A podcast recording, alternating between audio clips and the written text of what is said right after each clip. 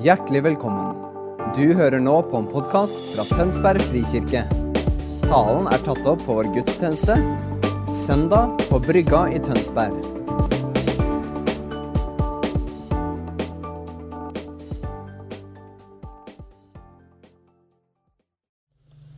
Hallo. Kjekt å se dere. Har dere hatt en fin sommer? Det er jo vanskelig å spørre så åpent spørsmål, men eh, ja. Så jeg har fått flere av dere blitt, eh, fått litt farge siden sist.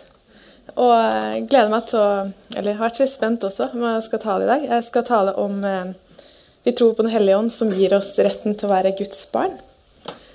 Og jeg har lyst til å bare starte med å be. Så pappa, jeg takker deg for at vi får være barna dine. Jeg Takker deg, Jesus, for alle som er her. Jeg Takker deg for eh, alle barna. Jesus, vi bare ber om at du kommer og møter oss med ditt nærvær. Helligånd, vi bare sier 'kom og gjør hva du vil'. Pappa, du ser hvordan sommeren har vært for den enkelte. Du ser hvordan livet er. Og bare inviterer deg, Helligånd, til å bare puste på hver enkelt. Jeg takker deg, Jesus, for at vi kan kjenne deg. Jeg takker deg for ditt nærvær. Helligånd, kom og tal til oss.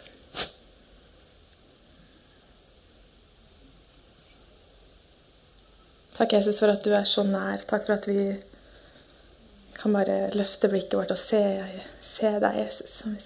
At vi kan kjenne at du er nær, at du kan kjenne at du er god. Takker deg for hver enkelt av Jesus. Takk for at hver og en er barna dine. Så Hellige kom med ditt nærvær. Kom og bare fyll på med mer av deg.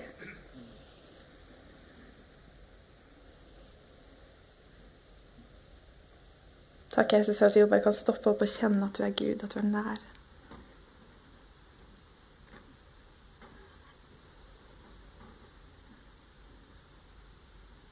Amen. Det frister ikke å tale i dag. Det er bare, kan, kan bare henge med Jesus. Så. Jeg har jo forberedt en tale, så kanskje, kanskje dele den. Men uh, det er godt å være sammen i tilbedelse. Mm. Jesus, da, han, da, Jesus var på jorda, så sa han at uh, han lengta etter at, at vi skulle få Den hellige ånd. Og disiplene var litt sånn Hæ, hvorfor skal vi få Den hellige ånd? De skjønte ikke bæret med Den hellige ånd. Og kanskje mange av oss òg eh, har forstått litt av Hellige ånd, men flere noen ganger tenker at hvem er Den hellige ånd? Er Den hellige ånd den hemmelige ånd eller skumle ånd? Eller hvem er Den hellige ånd? Og denne høsten her skal vi se mer på hvem Den hellige ånd er i livet vårt. Hvordan kan vi lære å leve et liv med Den hellige ånd? Og kanskje flere kommer til å se at de får nye gaver som Den hellige ånd gir. Eller kanskje du ser at oi, jeg hadde visst en gave som Helligånd har gitt meg, men visste ikke at det var han som ga meg. Så vi skal gå på en reise sammen og utforske mer av hvem Den hellige ånd er. Og Jesus lengta etter når han var på jorda, så sa han det var bedre for oss at vi skulle få Den hellige ånd, enn at han skal være til stede med oss hele tiden. Fordi Jesus var begrensa til ett sted. Når han gikk rundt med disiplene, så var han der. Men det er derfor han ville gi Den hellige ånd, slik at i alle troende så kan Den hellige ånd bo. Og Det gjør at han kan være til stede overalt for alle mennesker og møte mennesker med sitt nærvær. da. Og Moses og de lengta etter det. Moses var sånn herre Å, oh, ja, jeg har sett din ansikt, men flere må jo se det. Abraham lengta etter åh, oh, en dag Tenk om flere kan få erfare det som jeg får erfare. Og i dag kan vi leve med en Gud som er nær, Helligånd som bor i hjertene våre.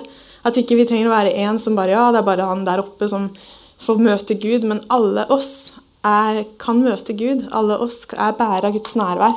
Det handler ikke om at du er prest. Du har ikke mer Guds nærvær om du er prest. Men du som Guds barn, Helligånd bor i deg, og det er et stort privilegium. da. Så jeg skal snakke litt om det. Litt om vi, hvordan vi er som Guds barn. Med en gang du tar imot Jesus, så, om du har tatt imot han, så blir du et barn. Det er ikke noe vei utenom. Og det vil si at er, du har jo pappa Gud, som er faren din, som er den som ønsker å være pappaen din, som ønsker å være og guide deg, lede deg i livet og være til stede for deg. Og det er jo det næreste vi kan komme å være barn. Det er jo ikke noe nærmere enn det. Hvis du har kids sjøl, så er det på en måte, da er de dine barn. Og det er det, akkurat det Gud ville, at vi ikke skulle bare være tjenere. Han ville ikke at vi skulle være slavene hans, men han ønska at vi skulle være barna hans. Fordi det var det næreste som vi kunne komme han til å vise at vet du hva, dere tilhører meg.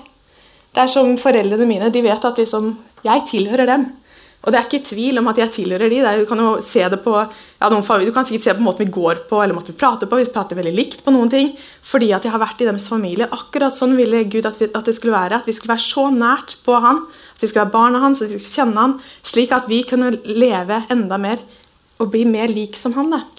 At vi er hans familie. At han liker, han liker flokken sin. Og vi er jo, kan gjøre gode ting, og så kan vi gjøre ting som ikke er så greit. Og så sier Gud allikevel 'jeg vil ha deg'.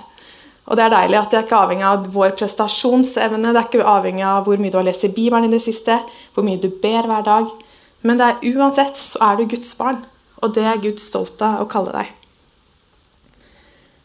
Alle som ønsker å være Guds barn, kan være det. Det handler om å ta imot Jesus og si ja til han. Ehm, det er likt for alle, og vi er en del av hans familie. Jeg skal fortelle en historie fra Jesus når han var i Judea, så underviste han foran masse folk. Det var masse farisere der. Og det er tre forskjellige historier, så tenkte vi, eller det er ikke forskjellige historier, men tre evangelier forteller historien på likt ulikt vis. Så tenkte vi skulle se, bare lese tre historier for dere. Og Vi skal se litt på hvordan Jesus eh, møtte barna. og Jesus underviste for masse folk. Og, og fariseerne prøver å sette Jesus på prøve. Og bare sånn, ja, men Jesus, hvem er du? Hvem, hvem er du den du sier du er?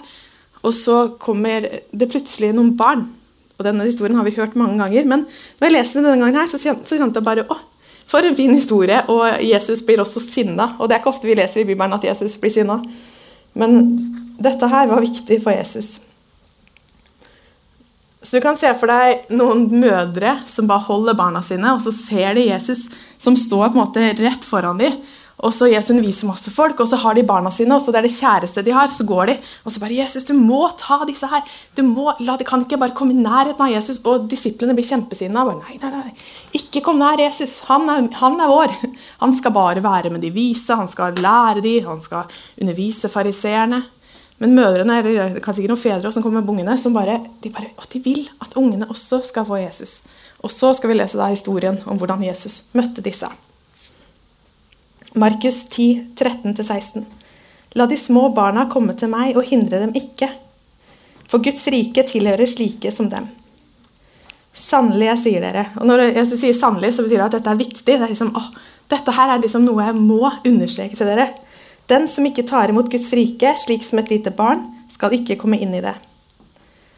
Og han tok dem på fanget, la hendene på dem og velsignet dem. Disiplene ville ta bort barna. Jesus tok de heller på fanget, og så sa han Guds rike tilhører disse. Lukas 18, 15-17. De bar også spedbarna til Jesus for at han skulle røre ved dem. Da disiplene så det, ville de vise dem bort. Men Jesus kalte dem til seg og sa, La de små barna komme til meg, og hindre dem ikke, for Guds rike tilhører slike som dem. Sannelig, sier dere, den som tar imot Guds rike slik som et lite barn, Nei, Den som ikke tar imot Guds rike slik som et lite barn, skal ikke komme inn i det. Og så har vi enda en. Matteus 19, 13-15. De brakte små barn til ham for at han skulle legge hendene på dem og be. Men disiplene viste dem bort. Da sa Jesus, la de små barna være, og hindre dem ikke å komme til meg, for himmelriket tilhører slike som dem. Og han la hendene på dem, og så dro han bort derfra. Det, det er ikke ofte vi leser at Jesus blir sint. Men i denne konteksten, når disiplene prøver å jage de bort fordi de jager barna bort, så blir Jesus sinna. Og på den tida så eh, Barna hadde ikke så stor verdighet på den tida. De ble litt sett ned på. det var liksom, Fariseerne var på en måte, var veldig opptatt av og når de var rundt Jesus, at det var de som skulle lære, og de var veldig nysgjerrige på Jesus. Men Jesus var, ble litt irritert når han så at eh, disiplene prøvde å vise bort barna. Fordi Jesus hadde jo viktig, viktigere ting å gjøre. Han, kunne jo, han underviste, han satt jo der og gjorde noe veldig viktig. Fordi han lærte jo fariseerne enda mer om hvem han var. Og det tenker jo disiplene, dette var kjempeviktig. Og så kommer allikevel noen barn der, og så, sier, så var det sånn ja, men, ja, men vil, Jesus bare ja, dette er viktig. Barna er viktige for meg. Så han tok de opp på fanget og velsigna de og ba for dem. Og så sier han også at vi skal bli som barn. Og barna tilhører Guds rike. Jesus ønsker å ha barna skikkelig nær. Og han ønsker å bo like mye i barnas hjerter som oss. Og han ønsker å vise sitt rike like mye til barna som oss. Og jeg tror vi har så mye å lære av barn. Og stadig hvordan de har opplevd så mye med Gud, og de kan oppleve ting med Gud som vi også kan lære av. Og, tror, og noen koster oss litt kanskje å tenke at oi, kan jeg lære noe fra en unge? Men i sommer så var jeg på tur, jeg var med en småbarnsfamilie i tolv dager. Og jeg lærte så mye av en liten syvåring. Men sulten etter Gud. Og jeg var med en familie, og han var veldig opptatt av det å høre Guds stemme. da, Og sa liksom 'Mamma, mamma, jeg er profet, jeg!' Og bare, ja, 'Du er ikke helt profet ennå, men du kan øve deg.' Og så kommer ungen og bare sier sånn 'Ja, mamma, jeg, jeg hører Guds stemme.' Og så kommer og fordeler vitnesbyrd hvordan, og hvordan han kjente da at nå var det, han kjente nå er det vinter, eller ulike ting. da, så, Og så var det sånn ja, Jeg kjente akkurat nå og da var akkurat i det øyeblikket da, at David skulle spise. Og det var sånn småting. Han hadde vært ute og lekt, og plutselig bare løpte tilbake. Og han, ja, nå skal jeg være her. Og sier han, Gud har sagt til meg at jeg skal tilbake nå. Og det, jeg synes det var så kult, fordi det viser sånn småting, hvordan Gud kan bruke oss i hverdagen. hvordan denne syvåringen da, bare kjente at ja, jeg, jeg, øver meg på å høre Guds stemme. Og så var det en kveld som vi hadde sett på Narnia, og var veldig opptatt av gudsfrykt. da, liksom, Vi må frykte Gud. Og så var det kvelden, dagen etter han skulle legge seg, så var det sånn 'Mamma, mamma, vi må lese Bibelen. Jeg har så lyst til å høre på lovsang.' Og bare så sulten på Jesus. Og den syvåringen det gjorde noe med meg, var den derre sulten etter, etter Gud. og, og bare den oppriktig, Det skjedde ikke da jeg var der tolv dager. da, så Tre, tre ganger i løpet av den tida så sa faren opptatt av nå har jeg hørt Guds stemme, og dette er greia. Og så var det jo alle de tre tilfellene så skjedde det jo. Og det var så kult å se den barnlige lydigheten i å se at vet du hva, jeg øver meg på å høre Gud. Og mora sa ikke du er en profet, men sa øver du, så kan det hende Gud har deg. Kanskje du kan bli en profet en dag. Hvem, vet? Men, men, der er du nå, da. Og så var det så utrolig kult å se den der lengselen. Og så en annen dag kom den ungen og sa 'Mamma, mamma, jeg har gjort noe gærent.' Og så måtte de gå hele familien inn og snakke sammen. Og liksom var det omvendelse, og så var det ulike ting. Og så sa jeg liksom 'Ja, nå har Jesus satt meg fri'. Og det er så kult å se den der tilliten til Jesus. Jeg, vet hva, jeg må ha et rent hjerte foran Gud. Jeg trenger å omvende meg. Jeg trenger å og fortelle det. Og den familien har jo, siden de har ikke gått på en kristen skole, så de må ha lært hvordan gjøre kristenlivet sammen som familie. Det må de ha lært mye av seg sjøl, eller aleine. Og så ser de at de oppdrar ungene sammen med Gud, at, unge, at, foreldrene også lærer noe av barna. At de går etter Gud. da. Og det inspirerte meg så når jeg var med familien, å se det derre ungen som er syv år, som er så sulten på Jesus. Og jeg tror sult etter Gud det går i, i perioder. Men det er noe med at vi kan lære noe fra barna, at barna har noe å gi til oss som jeg tror vi trenger, eller kan oppdage. da. Og det er noe med, Jeg tror vi kan lære noe alle sammen, eh, men det å ha øynene på å se Jesus, hva kan jeg lære gjennom deg? Eller hva kan jeg lære gjennom den ungen? Eller hva kan jeg lære gjennom eldre? Så ja, jeg syns det var utrolig inspirerende.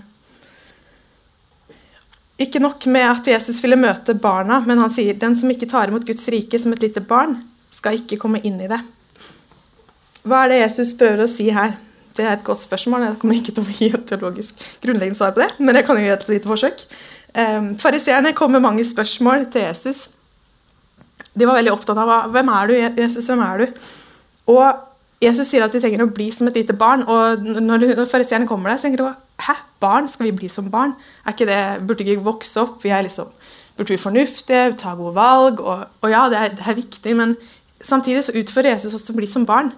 Å være barnlig. og det er noe vi, Jeg tror det er mye viktig vi kan lære fra barna, eller ha en barnlig holdning til Gud. Jeg tror Vi kommer aldri til å vokse opp og tenke at ja, nå har jeg klart livet. nå har jeg skjønt alt. Er, men jeg tror vi kommer til å være underveis. Og det å ha en barnlig holdning til at vet du hva, jeg vet ikke alt, jeg skjønner ikke alt, jeg er underveis. Og vi kan være et barn av Gud som er underveis, og så lærer vi mer og mer av hvem Gud er. da. Han ønsker at vi skal bli undervist av han, og at vi, um, at vi han, er, han, liker da, han, Det er OK for Gud at vi kommer til kort det er ok for Gud at vi ikke skjønner alt eller ikke forstår alt, fordi han ønsker å lære oss, han ønsker å undervise oss og være læreren vår. I Et lite barn det er ofte hjelpeløst og totalt avhengig av foreldrene. Hvis du får en liten baby, så er det totalt avhengig av at mora gir mat. Hvis ikke så dauer den. Eh, ja, den gjør jo det. Men, eh, men, det er noe med at du er totalt avhengig, og det er sånn vi er skapt. At vi er totalt avhengig av foreldrene våre for å få det vi trenger. Sant? Hvis ikke du kler på ungene, så, så får ikke ungene ja, Går naken rundt der, og det, det, går jo ikke. Så det er på en måte vi er helt avhengig av foreldrene. Og på akkurat samme måte så ønsker Gud at vi skal være avhengig av Han. At han ønsker å gi oss de klærne vi trenger, han ønsker å beskytte oss, han ønsker å gi oss mat, han ønsker å forsørge for oss. Fordi han ønsker å være en pappa for oss. Vi trenger hjelp fra en annen. Eh, han ønsker at vi skal være avhengig av han. eh, at han kan være den som vi kan lene oss på. At eh, Det står i Bibelen 'Herren er min hyrde, jeg mangler ingenting'. Og jeg tror akkurat det som en Gud som er pappa, som at vi kan lene oss på at i, i dødsskyggens dal, eller utfordrende tider, eller når det er helt tipp topp, så er Gud der. Og han ønsker å være en pappa i alle sesonger i livet. Akkurat som et lite barn, så de har jo tomme hender. De kan jo ikke gjøre noe, kan ikke vise seg som ja, eh, du blir ikke med Ellison når du er bitte liten baby. Du kan ikke gjøre noen ting. Eneste du kan, er å grine og spise i starten, og så sove. Men de er totalt avhengig av Gud. De kommer der med tomme hender. Og litt sånn kan vi komme med Gud også. Vi kan komme med våre tomme hender. Og så kan han komme og fylle oss og gi oss det vi trenger. Han kan komme og gi oss sin eh, trøst, han kan gi sin omsorg, han kan forsørge for oss. Og han ønsker at vi skal være så avhengig av han da, i hverdagen. Guds rike handler ikke om hva vi kan få til, eller hva vi har oppnådd. Men det handler om hva ønsker, hva ønsker Gud å gi til oss, at vi kan ta imot fra Han. Vi kan, få, ja, vi kan bare ha en posisjon eh, der vi kan ta imot og si 'Pappa Gud, jeg trenger deg. Kom og vær. Jeg er barnet ditt.' Og det syns jeg er så fint i livet, å være barnet til Gud. For en, for en ærestittel at vi kan være barna hans. At de kan se på oss. Ja, han kan jo kalle oss arbeidere. Dere er mine slaver. Mine, dere er også sendt her for et oppdrag. Og ja, vi er det. Men han ønsker at vi skal være barna hans, fordi han, han er så glad i oss at han ønsker av, at vi får være en del av hans familie. Og barn de har tillit. De, jo, de tror ofte at det foreldrene sier, er sant. Hvor mange har fått barna sine til å tro på julenissen? Er det noen her? Nei, det er bare kristne her. Tannfeen? Er det noen som har fått dem til å tro på tannfeen? Ja, ja, ja jeg samla inn og fikk penger i, ja, av tennene mine. Og jeg trodde på det. Bare, nå kommer, nå kommer det snart. Og så Barna tror på, på, ting ganske fort. Hvis du først overbeviser dem, så, så, tror de på det. Og det er litt sånn at eh, Eller kanskje at er du en, kanskje vært en sterk pappa at uh, ungen din har kommet til barnehagen og sagt min, sterkere, 'Min pappa er sterkere enn din pappa'. Har det skjedd? Eller kanskje ikke ungen har sagt det, men det kan hende det har skjedd. For jeg er ofte sånn der, ja, ja, klart min pappa er bedre enn din pappa. Eh, det var, ja, Jeg skal, ikke si hvor sterk pappa var, men jeg, jeg, jeg, jeg tok ikke den sånn jeg har ikke den sterkeste av de alle. Men, men, det er noe med at vi tror lett på ting når vi er små. Tenker liksom, ja, ja, det fordi de sier er sant. Og så er det sikkert sånne ting vi har lært når vi er små, som egentlig ikke er sant. Så finner vi ut det kanskje når vi er voksne. Å ja, nei, det stemte jo ikke allikevel. Men de, barn har litt tillit til ting. At når, når det, pappa eller foreldrene sier det, så å ja, da er det kanskje bare sånn. Da, da tror vi bare på det. Og, um, og de har tillit til at det, det de sier, det er, det, sånn er det. Og litt sånn kan vi også lære oss i forhold til Gud, at, eh, at han har sagt så mye i Bibelen om den han er, og at vi kan lene oss på at det, og det pappa sant, det er sant. At når, når Gud sier at, um, at han ønsker å være, at vi er barna hans, at han ønsker å forsørge for oss, at han er til stede for oss, så kan vi bare tillite, sånn barnlig tillit på ja, pappaen min, han er her nær. Og så lærer han oss underveis hvordan det ser ut, og, og det er jo en prosess i løpet av livet. Og erfarer at han er, han, han er vår hyrde, han ønsker å være det.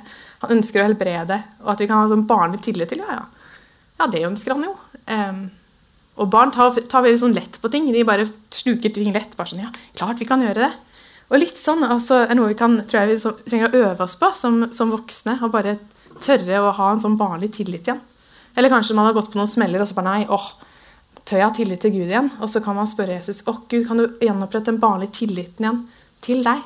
Kanskje når ikke livet gikk på stell og du kjente at åh, nei, dette var kjipt. Og så kan du bare be Jesus om at han kan komme og helbrede de tingene som var utfordrende, slik at du klarer å få tillit til han igjen og lene deg på han. For jeg tror barnlighet er noen nøkkelen i, i livet vårt med Jesus.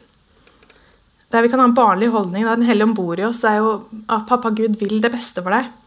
Og han ønsker ikke at vi skal være slaver, men barna hans. I en tid der mange, mange ting og mange stemmer eller mye ting kan på en måte definere hvem du er, eller si hvem du er, så er det noe med at uh, vi kan lene oss på da, at vi er Guds barn. Uavhengig av hvor bra du er, eller uavhengig av hvor bra du føler at du er, så er du Guds barn. Uansett om livet er på topp eller bunn, så er du Guds barn. Og litt som uh, Gud er, ser for meg en sånn fotballbane med masse folk, og så er det sånn den guttungen da, som scorer mål, og så faren liksom, ser en sånn begeistra pappa som bare liksom, 'Dette er min sønn, og se på han, han scora mål.' Og litt sånn, litt sånn stolt. Og litt sånn er det som Gud har med oss også når vi er barna hans, at, at han er stolt av oss, at han, er, han liker oss, og han, han er eh, ja, fornøyd da, med at han har skapt oss. Han ønsker at vi, han skal være foran oss, han led, ønsker å lede oss, han ønsker å være med oss. Og eh, treåringer de er jo Barn er også nysgjerrige. Treåringer spør jo om alt mulig. De kan spørre om ja, jeg vet ikke, jeg har, har ikke nok spørsmål, men er det noen foreldre så sier de i hvert fall at de lærer veldig mye av barna, fordi de må finne ut at de googler mye. Fordi barna har så mange spørsmål. Og litt sånn kan vi også være med Gud, at han ønsker at vi skal stille spørsmålene våre til han. Disiplene spurte mange spørsmål til Jesus. Gud kunne bare satt i et klasserom og sagt vær så god, nå skal dere lære hvordan leve med Gud. Nå skal dere lære de ti bud, bla, bla, bla. bla, bla. Kunne bare lært de sånn. Men han ville heller lære de på en annen måte som var mye mer krevende. Fordi Jesus tok de heller med i livet sitt, og så lærte han de, han forma de, han fortalte når, når, når situasjoner skjedde. Å ja, hvem av oss er den beste, så kan Jesus bare inn, eh, steppe inn og lære de undervise underveis. Akkurat sånn ønsker Gud at vi skal bli forma han. At i situasjoner når du er i livet, da, når du får spørsmål, så kan vi løpe til Gud og si Gud, her er mine spørsmål. Og så er det ikke alltid man får svar der og da. Kanskje du ikke får svar. Men han ønsker at vi skal ha en åpen dialog, at vi kan dele vårt hjerte med han. At vi kan stille spørsmålene våre til han. Fordi Det er da relasjonen vokser, og det er jo i relasjonene som vi har i livet vårt også. Når vi stiller hverandre spørsmål, så lærer vi enda mer om hverandre. Så det er noe med å komme med Gud med spørsmålene våre. Akkurat som med barn som kan spørre om alt mulig, så er Gud også eh, Vi kan spørre han om alt. Og det er flere ganger i kristenlivet som jeg har tenkt at jeg burde visst ting. og burde jo, Det er mange ting jeg burde visst. Eller sånn tenkt at oi, dette kan jeg ikke stille spørsmål om, for dette er jo kristen, jeg har vært kristen så lenge. Så det burde jeg kunne. Men så har Gud lært meg at Camilla, det er ikke alltid de der, um, ja, At han har lært meg at det er greit da, å ikke kunne alt om sånn basic som egentlig man burde visst, eller følt at man burde visst. Og så heller kommet han og sier vet du hva, dette lurer jeg på. Og så kan han undervise, eller du kan spørre folk eller disipler eller folk du lever livet med, og spørre oh, hvordan ser dette ut, eller hvordan ser bønnelivet ut, eller hvordan kan vi leve med Gud i hverdagen? Og det, da vokser relasjonen vår til Jesus. Um, det er alltid noen i samme båt som kanskje lurer på det samme som deg. Og Gud ønsker at vi skal bare være frimodige og dele spørsmålene våre med ham. Så kan det, det, er noen, det er jo ofte man sier det er ikke noen spørsmål som er dumme. Jeg vet ikke. Jeg tror jeg har flere av dumme spørsmål. Men det er noe med at Gud, eh, Gud liker at vi kommer til ham og er barna hans og sier 'Pappa, dette skjønner jeg ikke', eller 'Hvordan er dette?' Slik at han kan undervise oss. Um, og jeg tror i relasjonen vår med Gud, når vi er barna, så vokser vi sakte, men sikkert, og at vekst tar tid. At Gud er veldig tålmodig med oss. Han, han, liker å følge oss gjennom livet skritt for skritt. og Noen ganger tar vi to skritt fram og ett skritt tilbake, og så tar vi tre skritt fram og så kanskje fem tilbake. Og så er ikke Gud så redd for hvor vi er hen, men poenget hans er at vi lever med ham. Det er det som er Guds, Guds ønske med oss, at vi skal være barna hans som følger ham. Han er ikke så opptatt av hvor du er, om du får liksom drømmen din oppfylt om ti år, men han ser heller og at vi kan leve i livet vårt med han i hverdagen. At han er nær, at han ønsker å være til stede for oss. At han ønsker å bringe det han har, gjennom oss. Og det er litt som en, en toåring. Toåringen blir ikke forventa at du skal kunne gangetabellen, f.eks. Eller at du blir, det skal bli forventa at, at du kan gå sykle når du er ett år, før du begynner å gå. Og litt sånn er det med Gud også. At, vi, at Han forventer ikke, han, han er ikke overraska hvor vi er i livet. Han ser hvor vi er, og så, og så er han veldig tålmodig med oss og sier vet du hva, jeg ønsker å forme deg sakte, men sikkert. Og så kanskje når vi er 90, så er vi på et helt annet sted. Men han er ute etter at vi skal ha en vekst enn, enn der vi er akkurat nå. Og der vi er, kan han undervise oss mer av hvem han er. Um, å bli som barn tror jeg det handler om å si ok, Jesus, å komme litt til kort og si ok, her er mitt liv. Kom og form meg. Kom og skap det du vil i meg. Er, her er jeg, jeg er barnet ditt. Gjør hva du vil i meg. Og han kan komme med det han ønsker å gi. Jeg syns et av de største privilegiene i livet er å bare våkne opp hver dag og kjenne at jeg er barn av Gud. Jeg elsker av Gud. Uansett. Jeg hadde en, eh, For noen år siden så var det en som jeg fikk møte, som kjente seg bare at hun var Guds barn. Det var i hvert fall ikke hun. Hun kjente liksom Nei, det kan jeg ikke leve opp til. Han levde en ganske turbulent eh, fortid og kjente at nei, eh, det kan aldri være en av hans barn. Liksom. Det er jo, lever ikke opp til det. Og så fikk hun ta denne jenta her på en reise der, der hun fikk erfare Gud som pappa. Og hun hadde erfart mye vondt i livet. Og og erfarte liksom, nei, Gud, han har hold, Gud holder deg på lang avstand. Og så fikk hun erfare gjennom en lang prosess og hvordan Gud helbreda hjertet hennes, og erfarte at hun fikk erfare Guds kjærlighet. Og egentlig en som følte seg langt unna Gud og ville egentlig ikke ha sånn Gud så nært på, fikk erfare at Jesus satte henne fri under en det var ikke sånn quick fix, men under en, under en periode så fikk hun erfare at Gud ble pappaen hennes. Og hun var, ville ikke kalle Gud som pappa. Hun hadde ikke, en god pappa heller. Eh, ikke et godt forbilde og erfarte mye vondt i livet. Og så plutselig så var det sånn her, men Gud som pappa, så kom hun på en bibelskole liksom, alle snakker om Gud, Gud er god pappa. Å, pappa Gud. Og bare sånn, Kunne ikke brydd meg mindre å kalle ham pappa. Og så erfarer hun at Jesus helbreder hjertet hennes. Og hun erfarer å få Guds kjærlighet så godt planta på innsida at plutselig så var det mest naturlig at hun ville kalle Gud pappa. Fordi Gud fikk vise at han var en annen pappa enn den pappaen som hun hadde erfart. da. Og det er litt sånn i livet at det er forskjellig. Noen, når vi kan tenke at du er Guds barn, så kanskje du har hatt en, noen, en utfordrende oppvekst, eller kanskje hatt foreldre som ikke har vært så gode. Og da er det jo ofte de forbildene vi har på hva som er en pappa. Eh, de pappaene vi har hatt sjøl. Men da kan man også se for seg noen man, som er et godt forbilde, eller noen som du ser opp til, da, som er, kan være et bilde på hva en pappa kan være. Men jeg tror ingen av pappaene våre uansett når opp til Gud som pappa, uansett hvor gode de er, fordi Gud er annerledes.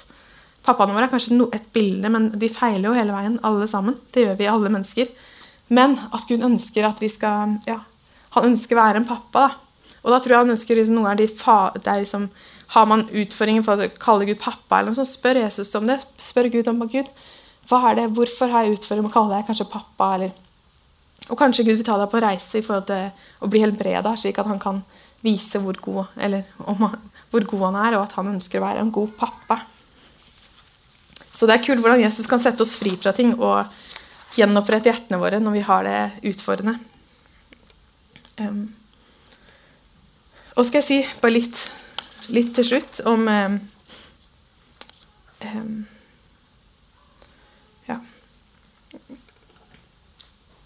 Jesus ønsker å bringe Guds rike gjennom oss, barna sine.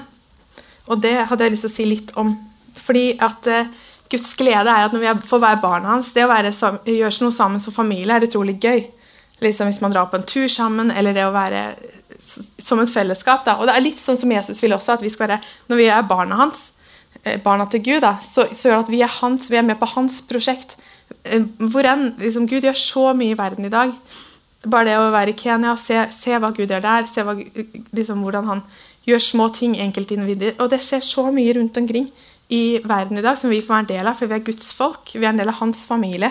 Og ja, jeg er barn til Gud, og så er alle disse, alle, alle oss er barna til Gud. da. Og en dag så skal vi komme til, til Gud, og så skal vi være alle sammen. Jeg vet ikke hvordan det ser ut, men det blir helt rått å møte alle de som er barna til Gud. Vi er hans familie. Og nå ser vi sånn småbiter av hans familie på jorda. Men når vi skal møtes en dag, så skal vi se alle sammen som bare har valgt å bare ære Gud og tilbe Han. Og det blir veldig stort. Og jeg tror litt sånn med Gud når vi er barna hans, at pappa, sånn som hvis vi har en pappa som er til å, uh, god til å snekre, da, så kanskje gleder han seg bare å, en dag kan jeg snekre med sønnen min. sant? Eller kanskje du er god til å uh, strikke. eller noe sånt, å, en dag kan jeg strikke med jenta mi. Eller kanskje du kan at noen, noen ting som betyr mye for deg, som pappa eller mamma, da, som, som du kan ta med ungen din på. Eller kanskje du er liksom racer, har sånn, har starta en bedrift eller noe, og så bare jeg gleder meg, En dag skal sønnen overta, eller overta. eller at det, at det, er på en måte at det, ja, det er noe med denne, å gjøre ting sammen. Og jeg tror Gud også, i, når vi er hans familie, at han ønsker at vi skal være barna hans, at vi gjør ting sammen. At han ønsker at han blir veldig glad når vi er med og bringer enda mer av hans rike. da. Og jeg tror det er vårt største privilegium å tjene Jesus og være barna hans. At ikke vi lever for oss sjøl, men at vi får leve for han. Ehm, at vi får være med og leve, sånn, være en sånn pekepinn på at vi kan peke på Gud som er eh, pappa, en Gud som er kjærlighet, en Gud som er fylt av fred, hvor enn vi går. Fordi vi er en del av pappas familie. Um, jeg har vært heldig. Jeg har vært oppvokst med pappa som har vært veldig god, eller er veldig god. Um, som er veldig trygg og omsorgsfull. Og det å forholde meg til Gud som pappa har vært veldig lett for meg. Og det er jeg utrolig takknemlig for, for jeg ser at mange ofte har utfordringer med det. Men det har gjort noe med den gudsrelasjonen min, fordi at pappa har vært så nær og han har vært sånn oppmuntrende og til stede. Og det har gjort at en relasjon med Gud har vært sånn, det har vært så nært. For jeg vet at pappa er jo alltid opp, han vil alltid heie på meg. Og, den der, og, da, og når, er, når pappaen min er sånn, så er jo da Gud enda bedre. Og den relasjonen har blitt så nær. Og at, at måte, jeg vet at pappa alltid ville gjort hva som helst for meg. Og den, det er noe med Gud ønsker at vi skal dra de tingene som er godt i den relasjonen, inn til hans relasjon. Så jeg, ja, pappa ønsker faktisk det beste for meg. Pappa, Gud ønsker det beste for deg. Og kanskje ikke livet har, kanskje livet har møtt deg med en utrolig tyngde og utrolig vanskeligheter, så ønsker Gud å si vet du hva, jeg er her for deg. Ønsker å gjenopprette ting. Og ønsker å være der for deg. Um, han ønsker å være en pappaen som inviterer deg hjem, hjem på middag. Um, han ønsker å være den pappaen som er til stede for deg, som kommer deg i møte og sier 'hei, godt å se deg'. Jeg ønsker å bringe fred, godhet og kjærlighet. Gud har lengtet til oss fra dag én. Når han var med Adam og Eva, så var han og hadde det koselig i hagen. Jeg ser for meg at det var veldig kjekt der. Veldig liksom glede, mye godt. Og så eh, valgte de ikke, ikke, å leve nær Gud, og så måtte Gud leve på avstand veldig, veldig lenge. Men så, når vi fikk Den hellige ånd, så var jo Gud så nær. Han bor i hjertet ditt. Helligånd bor i hjertet ditt, og du er en sønn og en datter av Gud. Uavhengig av hvordan vi føler oss, uavhengig av hva vi gjør, så er vi det. Og han ønsker at vi skal erfare enda mer av privilegiene av å følge han i hverdagen. Um, så jeg hadde lyst til å invitere til to ting.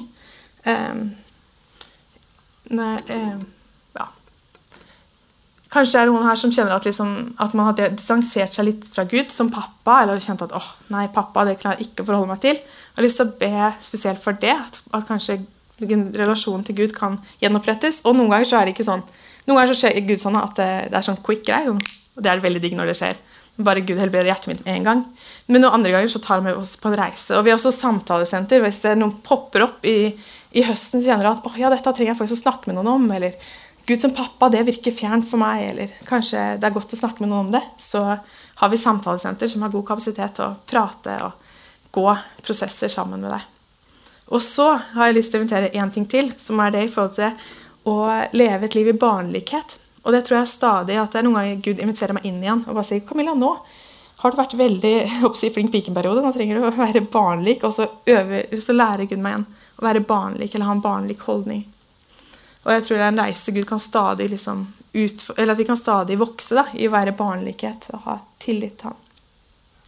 Så jeg har lyst til å be for bare de to tingene. Og så takker deg, Jesus, for eh, at vi får kjenne deg. Takker deg for at vi får være barna dine.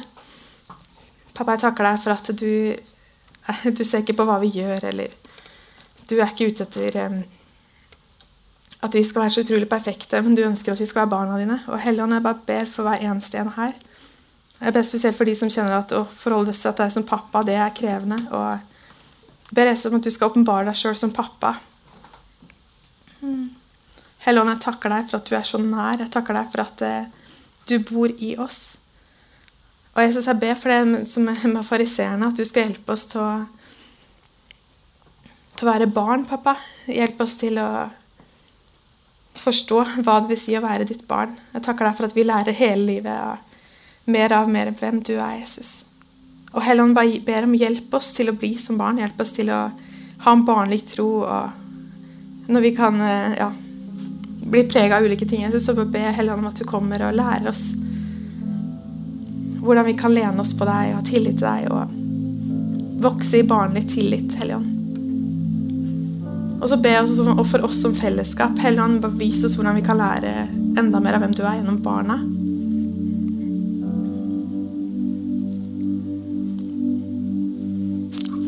Ja, Helligånd, vi bare inviterer deg. Kom, kom Helligånd, og takker deg for at du ønsker å gi oss så mye mer av hvem du er.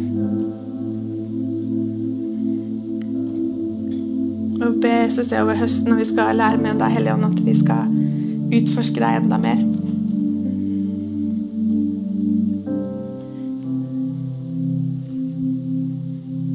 Hellige Ånd, takk for at vi får kjenne deg. Takk for at du bor i oss.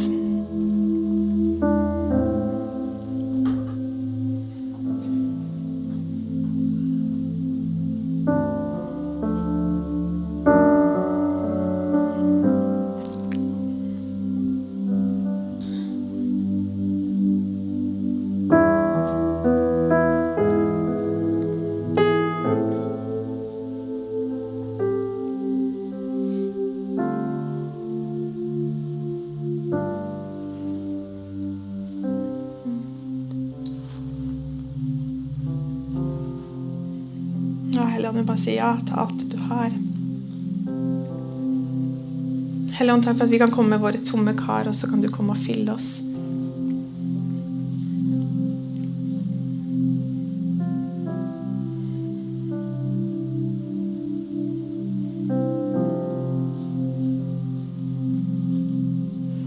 Jeg bare så en person som hadde kanskje løpt litt bort fra Gud, og så følte Jesus sa 'velkommen hjem'. At det, det var en invitasjon til at eh, Gud bare ønsker deg velkommen hjem igjen. Kanskje han ønsker å invitere deg enda nærmere, eller kanskje det, du har bare kjent at, å, at hun kanskje holdt litt Gud på avstand. Så bare at han sa bare 'å, velkommen hjem igjen', og så bare ønska deg velkommen med sånn kjempestort smil og sa 'godt å se deg'. Ja, så bare velsigner det, Jesus. Takk deg for det. Amen.